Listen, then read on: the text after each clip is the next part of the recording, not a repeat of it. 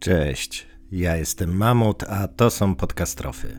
Podcast o tematyce katastroficznej. Odcinek 55. Katastrofa kureniwska. Tradycyjnie chciałbym zacząć od podziękowań dla moich nowych patronów, Michała i Rafała, za to, że zdecydowali się wspierać to, co robię. Osobne podziękowania należą się Patrykowi, Tomaszowi oraz Bernadecie, którzy po prostu postanowili wejść od razu na maksa, za co jestem ogromnie wdzięczny. Są takie miejsca na mapach, które z powodu różnych wydarzeń już chyba na wieki będą zapisane w zbiorowej pamięci jako miejsca szczególne, świadkowie ludzkich tragedii. Może to tylko teraz, dopóki pamiętamy o tych wydarzeniach i łączymy je z tymi miejscami. Może ci, co przyjdą po nas, będą patrzeć na takie miejsca jak na przykład Oświęcimski obóz zagłady, po prostu jak na stare budynki trochę zardzewiałego drutu kolczastego. Może wraz z upływem czasu emocje wyblakną, a w końcu znikną zupełnie. Tego nie wiem ale wiem, że są miejsca, które nie dają o sobie zapomnieć mimo upływającego czasu. I może nie chodzi tu o naszą perspektywę, ale ludzie, którzy wciąż tam mieszkają, widzą to chyba trochę inaczej.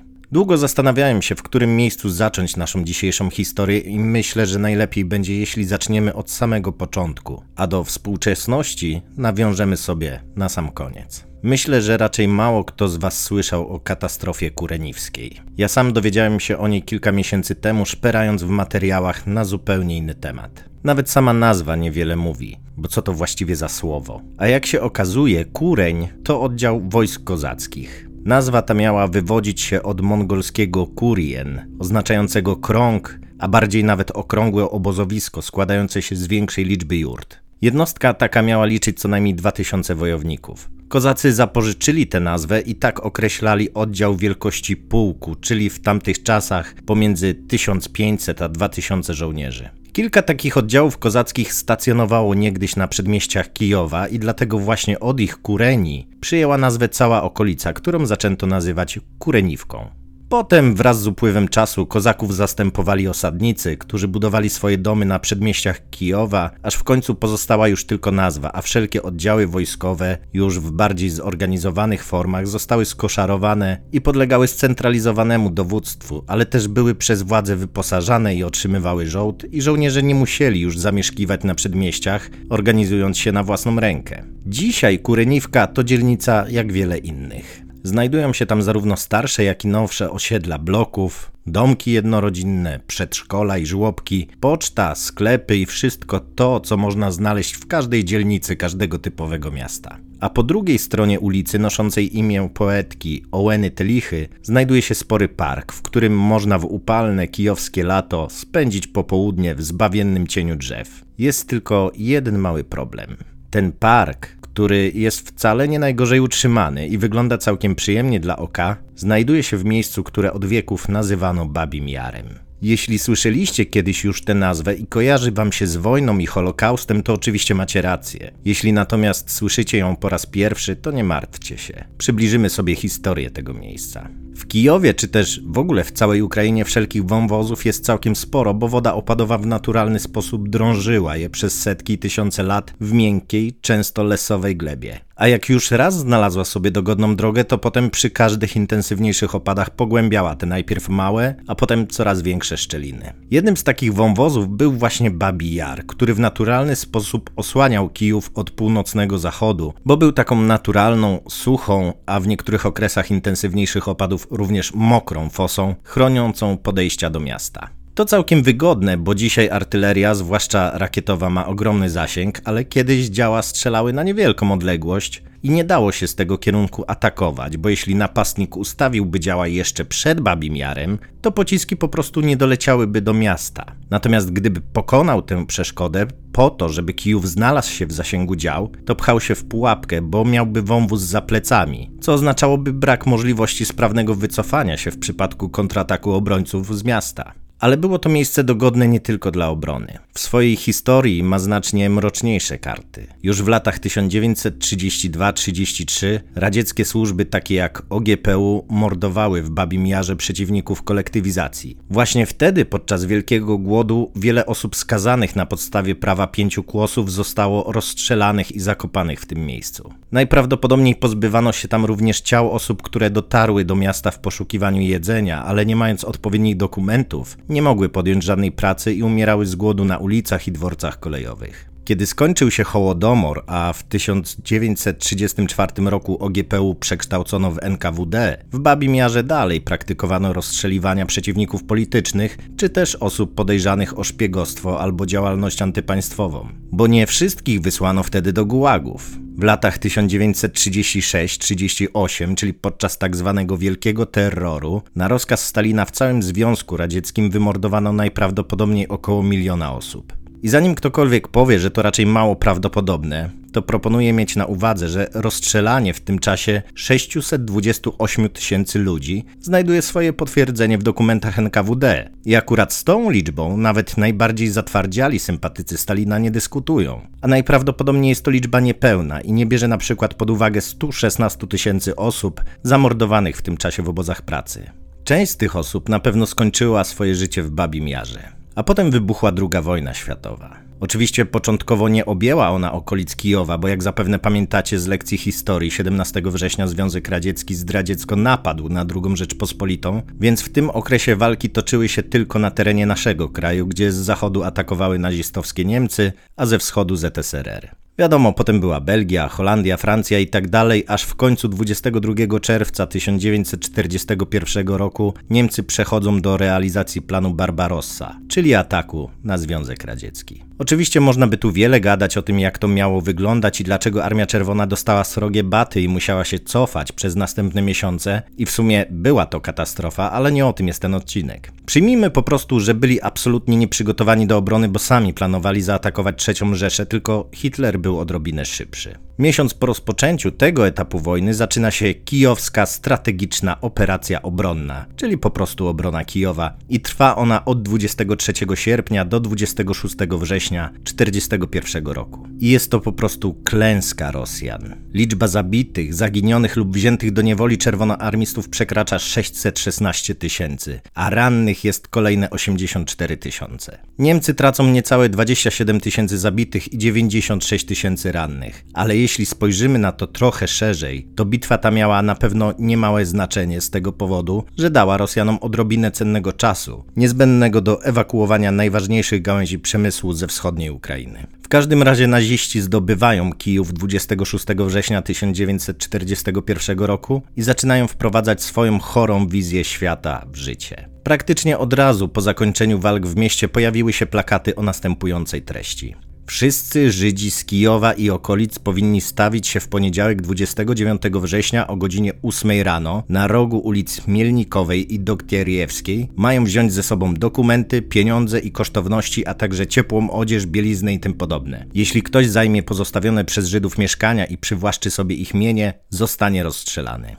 Oczywiście natychmiast pojawiły się plotki. W mieście wciąż pozostawało około 150 tysięcy Żydów, więc wiadomość obiegła okolice lotem błyskawicy. Domyślano się, a może bardziej snuto przypuszczenia, że ze względu na polecenie zabrania ze sobą dokumentów oraz ciepłych ubrań, czy też fakt, że miejsce zbiórki znajdowało się stosunkowo blisko stacji kolejowej, zostaną oni wywiezieni na jakiegoś rodzaju prace przymusowe, być może na terenie okupowanej Polski albo i nawet do Rzeszy. Nic takiego jednak nie miało się stać. Jak perfidny w swym okrucieństwie był to plan nieświadczy świadczy fakt, że 29 września przypadało żydowskie święto Jom Kippur, jedno z najważniejszych, a jak twierdzą niektórzy, najważniejsze święto judaizmu. W tłumaczeniu na język polski jest ono nazywane Dniem Pokuty, Dniem Pojednania albo też Sądnym Dniem. Na polecenie władz okupacyjnych w Babim Jarze stawiło się 33 771 osób. Dzięki późniejszym zeznaniom Niemców wiemy dokładnie, co tam się wydarzyło. Jeden z nich wspomina. Rozebranych Żydów prowadzono do wąwozu o dużych wymiarach. Gdy byli już na brzegu wąwozu, kładziono ich na ziemi lub już zabitych Żydach. Kiedy człowiek już leżał, przychodził strzelec i zabijał go strzałem w tył głowy.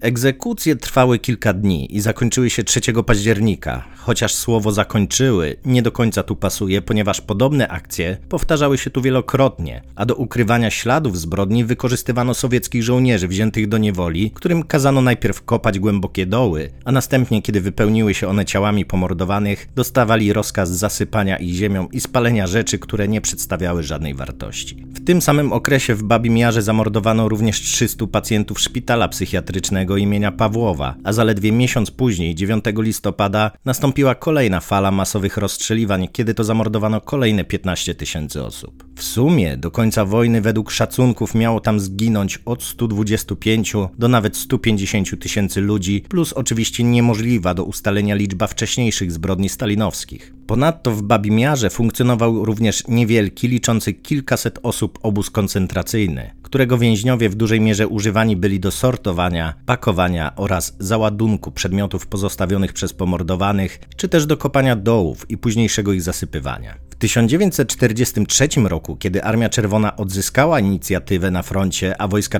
III Rzeszy wycofywały się z podbitych terenów, władze okupacyjne zdecydowały, że należy zatrzeć ślady zbrodniczej działalności i poleciły więźniom wspomnianego obozu oraz innej grupie dowiezionej z Syżca, aby odkopać pozostałości popomordowanych i spalić je. Oczywiście zadanie to było niewykonalne, ale próbowano je wykonać do ostatniej chwili, a kiedy wojska radzieckie zbliżały się do miasta, zapadła decyzja o rozstrzelaniu tychże więźniów, oczywiście żeby pozbyć się świadków. Ale w zamieszaniu dziewięciu osobom udało się uciec i znaleźć bezpieczne schronienia, dzięki czemu mogli oni później opowiedzieć o wydarzeniach z Babiego Jaru. Ale nie byli to jedyni świadkowie.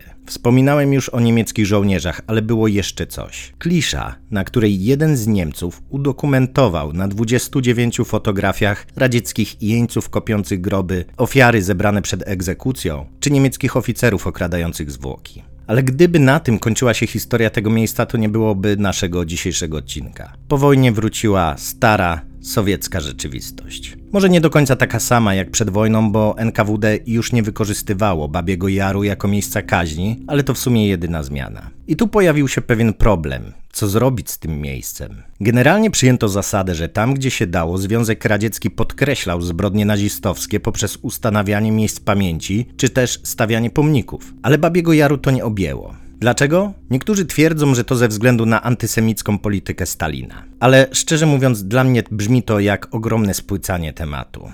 Bo czy to przypadkiem nie Stalin za pośrednictwem Czechosłowacji wysyłał broń i zaopatrzenie do świeżo powstałego państwa Izrael podczas pierwszej wojny izraelsko-arabskiej? Bo raczej ciężko uwierzyć, że Czechosłowacja robiła to bez zgody Związku Radzieckiego i z własnej woli. Więc dlaczego Stalin miałby żałować kawałka marmurowej płyty lub też kilku ton betonu, żeby upamiętnić miejsce kaźni w Babim Jarze? Przecież w wielu innych przypadkach dokładnie tak zrobiono, z tym, że bardziej podkreślając niewyznanie osób pomordowanych, a zwracając zwracając większą uwagę na to, że byli obywatelami Związku Radzieckiego. Budowano narrację, że naziści mordowali ludzi ze względu na to, że byli Sowietami, a nie ze względu na plan całkowitej eliminacji Żydów. Ale problem wynikał z tego, że nie tylko Niemcy wykorzystywali Babi Jar jako miejsce egzekucji i gdyby ustawiono jakiś pomnik, to ludzie mogliby sobie przypomnieć również o pomordowanych przez NKWD, a na to nie można było pozwolić. Przez kilka lat miejsce to, jak wyrzut sumienia, gryzło swoją obecnością sowieckie władze. Wydawało się, że w 1951 roku znaleziono rozwiązanie. Podczas posiedzenia Miejskiego Komitetu Partii jej przewodniczący Oleksiej Dawydow zaproponował, aby przekształcić jar w składowisko odpadów. Nie wiadomo, czy był to jego pomysł, czy może został mu on podsunięty przez kogoś wyżej lub przez NKWD? W każdym razie został on poparty jednogłośnie i już wkrótce, zupełnie przypadkiem, przysłano z Moskwy opracowane plany budowy zapory, która miała przegrodzić jar w jednym z węższych miejsc. Bo nie chodziło tutaj o pozbywanie się śmieci, jakie produkowali mieszkańcy. Projekt zakładał, że trafią tam odpady produkowane w pobliskich cegielniach. Było to w pewnym sensie bardzo sprytne posunięcie. Odbudowujący się po wojnie, a przy okazji szybko rozwijający się Kijów potrzebował ogromnych ilości cegieł. Były one produkowane w wielu miejscach, ale w okolicy, która nas interesuje, w niewielkim oddaleniu od siebie, funkcjonowały aż trzy cegielnie, które pracowały nieprzerwanie przez całą dobę na trzy zmiany, żeby chociaż odrobinę pomóc w zaspokojeniu zapotrzebowania na materiały budowlane. Generowały przy tym oczywiście spore ilości odpadów, które stanowiły niemały problem. Można je było wywozić poza miasto i gdzieś tam składować, czy wykorzystać je jako materiał przy niwelacji terenu, ale mamy przecież lata 50. w Związku Radzieckim i niedobór środków transportu. Dlatego uznano, że lepszym sposobem pozbywania się odpadów będzie mieszanie ich z wodą i odprowadzanie rurami wprost do Babiego Jaru. Tama miała zabezpieczyć to składowisko przed spłynięciem niżej. W ten sposób rozwiązano i problem odpadów, i miejsca, którego nie chcieli pamiętać komunistyczni dygnitarze. Ale Związek Radziecki nie pojawiłby się tak często w moim podcaście, gdyby wszystko robiono jak należy. Projekt zakładał budowę betonowej zapory, czyli po prostu tamy, która miałaby utrzymać odpady na miejscu, a system odwadniający odprowadzałby tę wodę, która wykorzystywana była do transportu. Oczywiście z braku odpowiedniej ilości betonu zrezygnowano z budowy ponad 30-metrowej tamy i wybrano rozwiązanie zdecydowanie tańsze, czyli usypano 25-metrowej wysokości wał ziemny. Odwodnienie też nie sprawdzało się tak jak należy. Z założenia co sekundę miało odprowadzać 5 metrów sześciennych wody, ale z powodu wykorzystania rur o mniejszej średnicy niż zakładano, działało tylko ze szczątkową wydolnością około 0,6 metra sześciennego na sekundę. Zresztą w odpadach pocegielnianych znajdowało się też sporo gliny, co często prowadziło do zapychania się części rur. Jakby tego było mało, ktoś zdecydował, że mimo, że zapora jest niższa, to można śmiało zapełnić ją w większym stopniu, bo dla pierwotnie planowanej zapory betonowej miało to być około 15 metrów, czyli połowa jej wysokości. A w przypadku wału ziemnego miało to być 20 metrów, czyli zaledwie 5 metrów poniżej korony. Może by to jeszcze uszło, ale nikt się tym za bardzo nie przejmował. Zgodnie z obliczeniami w ciągu 10 lat do zbiornika trafiło około 3 miliony 200 tysięcy metrów sześciennych odpadów, które bardziej przypominały błoto lub maś niż cokolwiek innego. Całe to zalewisko miało powierzchnię około hektara i wbrew planom wcale nie chciało zastygać. Zakładano, że część wody będzie wsiąkać w glebę, a resztę odbierze system odwadniający, ale przez wspomniane już jego defekty oraz dużą zawartość gliny, dno zbiornika uszczelniło się, a jego powierzchnia czasem zasychała, tworząc skorupę, która utrudniała z kolei parowanie wody. Nic więc dziwnego, że materiału przybywało bardzo szybko i był on bardzo niestabilny. Natomiast wał ziemny, który to wszystko powstrzymywał przed swobodnym popłynięciem dalej, chłonął wodę bardzo chętnie. Prowadziło to do jego destabilizacji, ale też niejednokrotnie pojawiały się drobne przecieki, które były łatane na bieżąco przez ludzi, którzy mieli dozorować całą konstrukcję, ale generalnie brakowało im odpowiedniego przygotowania merytorycznego czy doświadczenia, więc jeśli nawet zgłaszali niepokojące sygnały, to bardzo szybko uspokajano ich sztampowymi odpowiedziami. Dokładnie tak samo zrobiono w marcu 1961 roku, kiedy to zbiornik był wypełniony po brzegi, a jego zawartość zaczęła drobnymi stróżkami wylewać się przez koronę wału. Wtedy to zaniepokojeni mieszkańcy zwrócili się do Miejskiego Komitetu Partii z prośbą o reakcję. Na jego czele, mimo upływu 10 lat, wciąż stał znany nam już Oleksiej Dawydow. Dekada minęła, miasto się rozbudowywało. Wokół Babiego Jaru powstały osiedla mieszkalne i dzielnica Kureniwka, nowy stadion Spartaka Kijów, a on wciąż trwał na swoim stanowisku. I jak myślicie, przyjął ze zrozumieniem obawy mieszkańców żyjących poniżej zapory i polecił służbom dokonać rozpoznania sytuacji? Oczywiście, że nie. Wściekł się. Groził karami za rozpowszechnianie antyradzieckich plotek, podważał lojalność obywateli, aż w końcu po swojej tyradzie wyrzucił ich z biura. Jednak jedna z osób nie zraziła się tym. Źródła nie podają jej nazwiska, ale wiadomo, że z wykształcenia była geologiem. 7 marca udało jej się na spokojnie przedstawić sytuację przewodniczącemu, a ten tym razem zachował większy spokój, jednak i tak nie podjął żadnych działań, ponieważ zajęty był przygotowaniami. Kijów miał wkrótce otrzymać order Lenina, a we wrześniu planowano wielkie obchody 20. rocznicy obrony miasta przed wojskami III Rzeszy. Wypowiedź o tym, że za kilka dni, 11 lub najpóźniej 12 marca zapora runie, przyjął jako nieuzasadnioną i mocno panikarską. Zresztą 10 marca miały się odbyć główne obchody setnej rocznicy śmierci największego ukraińskiego poety, Tarasa Szewczenki. I to w tym momencie było najważniejsze, a Tama stoi 10 lat, więc może jeszcze chwilę poczekać. Tak to się czasem dzieje na styku polityki i nauki.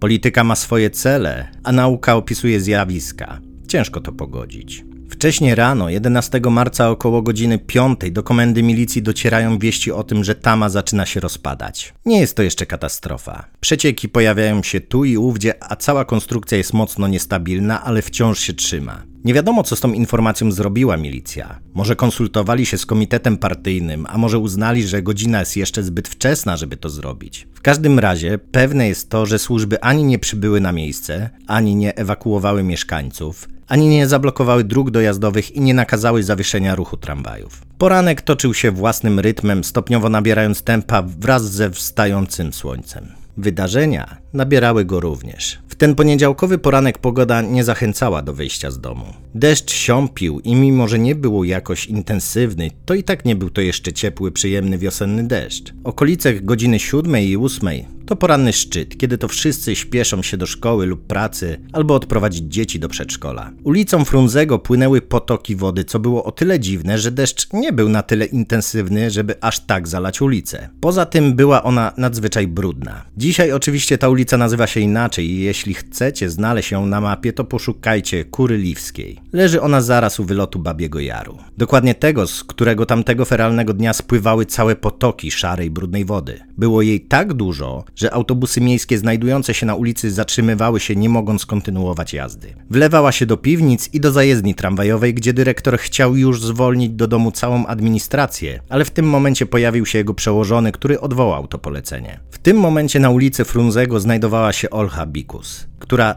tak wspomina to, co widziała. Kiedy spojrzałam w stronę Babiego Jaru, zobaczyłam coś strasznego. Z jaru niesione były budynki i drzewa. Budynki płynęły w całości.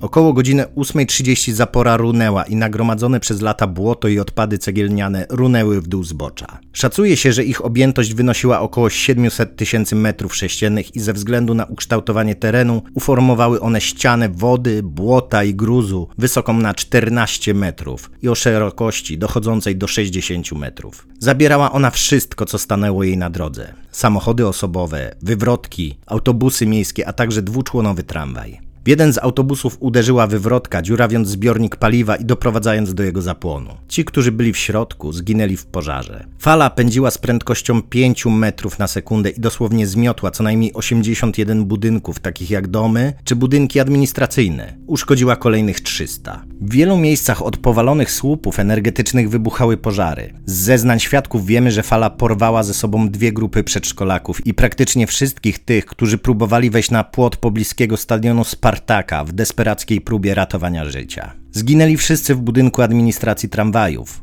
łącznie z przełożonym, który odwołał polecenie o udaniu się do domów. Wypływ błota trwał przez półtorej godziny i zakończył się około dziesiątej. Dopiero teraz cała ta breja może spokojnie zastygać i twardnieć, zmniejszając praktycznie do zera szanse na uratowanie kogokolwiek. Nie da się jej odgarniać bez łopat i ciężkiego sprzętu. W zajezdni tramwajowej pracownicy już nawet zaczęli usuwanie tej masy, ale polecono im zacząć od miejsca, gdzie powinny znajdować się kasy pancerne z pieniędzmi i dokumentami. Ciała wydobędzie się później. Zwykle w tym momencie mówimy sobie o akcji ratunkowej, ale tu nic nie jest zwyczajne. Bo nie jest normą, że pierwsza decyzja po rozpoczęciu takiej akcji to przerwanie łączności telefonicznej w kraju. Dalej też nie było typowo, bo zmieniono pod jakimś byle pretekstem trasy wszystkich samolotów pasażerskich tak, aby nie przelatywały nad Kijowem, żeby nikt przypadkiem z powietrza nie zaobserwował skali katastrofy. Wydano komunikat, który brzmiał: o 8.30 w wyniku przerwania wału retencyjnego w Babimiarze woda i rozmyty grunt zalały teren sąsiadujący z ulicą Frunze w rejonie zajezdni tramwajowej. Około godziny 10 napór wody ustał. W następstwie zalania zniszczonych zostało 68 domów mieszkalnych i 13 budynków o charakterze administracyjnym i przemysłowym. Niezdatnych do użytku stało się 298 mieszkań, z których 163 należały do prywatnych właścicieli zamieszkałych przez 353 rodziny. W sumie 1228 osób.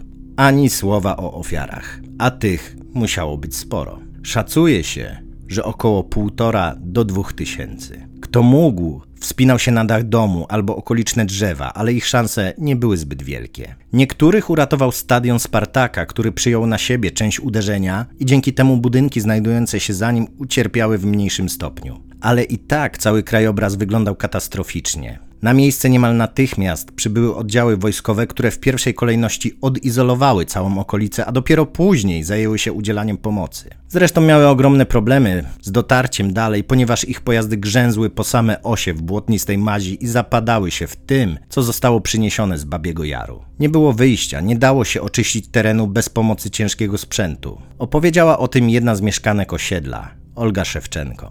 Muł zalegał na głębokość 4 metrów. Trzeba go było przekopać. Buldożery zagarniały ziemię czerpakami i przy okazji rozrywały ciała. Właściwie nie było szans, żeby rozpoznać kogokolwiek. Kiedy już z wielkim trudem udało się wydobyć jakieś ciało, to i tak było ono całe oblepione błotem, przez co nie było możliwości zidentyfikowania koloru włosów, elementów ubioru, czy po prostu jakichkolwiek szczegółów, które mogłyby pomóc w ustaleniu tożsamości wydobytej ofiary. Trzeba było więc przetransportować zwłoki w jakieś miejsce, gdzie będzie można je doczyścić z błota i wtedy poddać je identyfikacji. Najbliżej znajdował się szpital psychiatryczny, który świetnie się do tego nadawał, bo po pierwsze dysponował miejscem, w którym spokojnie można zgromadzić ciała, ale też jego olbrzymią zaletą było to, że sprzyjał utrzymaniu tajemnicy, bo w latach 60. psychuszki, jak je nazywano, bardziej przypominały więzienia niż szpitale. I w zasadzie niejednokrotnie właśnie do tego służyły, bo wiele osób, które tam trafiało, było absolutnie zdrowych, ale ośmieliły się krytykować sowiecką władzę i czasem, zamiast trafić do gułagu, trafiały do szpitali psychiatrycznych. Dlatego były one bardzo często otoczone murami, a wszelkie bramy i wejścia były zawsze pilnowane. Świetne miejsce do składowania zwłok, o których społeczeństwo miało się nie dowiedzieć. Zwożono je tam samochodami, w łyżkach buldożerów albo po prostu na ręcznych taczkach. W naprędce zorganizowanej kostnicy pracownicy myją zwłoki, ale do tego czasu maź zdążyła już bardzo mocno stwardnieć i nie jest to łatwe. Niejednokrotnie podczas zdejmowania ubłoconych ubrań odchodzą one od ciała razem ze skórą, bo nie do końca też wiadomo, jakie substancje trafiały do zbiornika. Bardzo możliwe, że były tam też jakieś chemikalia, co nie byłoby niczym dziwnym, jeśli słuchaliście żołnierzy wolności. Mniej więcej w tym samym czasie Wiktor Suworow wywoził całe cysterny nawozu do Dniepru. Kiedy już się uda doczyścić zwłoki z błota, trafiają one zupełnie nagie na stosy, jak kłody drewna. Przypomina to sceny z niemieckich obozów koncentracyjnych. Wtedy też na miejscu pojawia się przewodniczący miejskiej komórki partyjnej Dawydow. Jego wizyta jest krótka. Wydaje polecenia, aby zwłoki ubrać w ubrania dostarczone z pobliskiego domu towarowego i jak najszybciej pochować, ale z zachowaniem poufności, a na nagrobkach umieszczać różne daty śmierci, żeby nie dało się powiązać ofiar z wydarzeniem w Kijowie. W ten sposób ofiary trafiają na różne cmentarze, często oddalone o wiele kilometrów od miasta, gdzie są grzebane małymi partiami. To zacieranie śladów zajmuje trochę czasu. Jeśli ofiar było około 2000, to nie dało się tego zrobić w jeden dzień. Zresztą ciała osób w budynkach zajezdni tramwajowej zostały odkopane dopiero po trzech dniach, a bardzo możliwe, że nie wszystkich nawet wydobyto z podmułu. Wiele osób zostało uznanych za zaginione. Oczywiście istnieje szansa, że po prostu nie zostały zidentyfikowane i trafiły do grobów jako NN, ale z tego co opowiadają mieszkańcy, to było to usunięto tylko z ulic, budynków i ewentualnie miejsc, gdzie wcześniej stały budynki. Ale za stadionem, gdzie były nieużytki i ujście Babiego Jaru, nikt nie kopał zbyt głęboko. Wyrównano tylko to, co zostało naniesione i uznano sprawę za załatwioną. Bardzo możliwe, że wciąż mogą się tam znajdować jakieś fragmenty ludzkich kości. Ale skoro była to tak olbrzymia katastrofa, to dlaczego w ogóle udało się ją niemal w całości zatuszować? Po pierwsze, nikomu chyba nie trzeba mówić, że Związek Radziecki był państwem totalitarnym i jego władze wykorzystywały wszelkie możliwości, żeby uciszyć ludzi. Grożono, że za rozpowiadanie o tym wydarzeniu będą wyciągane konsekwencje, poczynając od zwolnienia z pracy, a na aresztowaniach za rozszerzanie antyradzieckich plotek kończąc. Ponadto zniknęły wszelkie dokumenty. Nie ma aktów zgonów z marca 61 roku w archiwach. Po prostu ten miesiąc się nie wydarzył. Ale przecież nie dało się wszystkiego zamieść pod dywan. Zastosowano coś, co rosyjska propaganda stosuje do dzisiaj. Przyznano, że coś się stało, ale oczywiście znacznie zmniejszono skalę i trochę zmanipulowano informacje. Oficjalnie podano, że zginęło 145 osób i nie ma o czym dyskutować. Przeprowadzono też śledztwo i proces w sprawie błędów w projekcie zapory i skazano 6 osób. I proszę, władza pokazała, że znaleźli się winni uchybień i to z ich winy zginęło półtorej setki ludzi, ale sprawą się zajęto i sprawiedliwość zwyciężyła. Ktokolwiek podważa tę liczbę, jest wrogiem ludu i państwa. Tylko próżno dzisiaj szukać akt tej sprawy.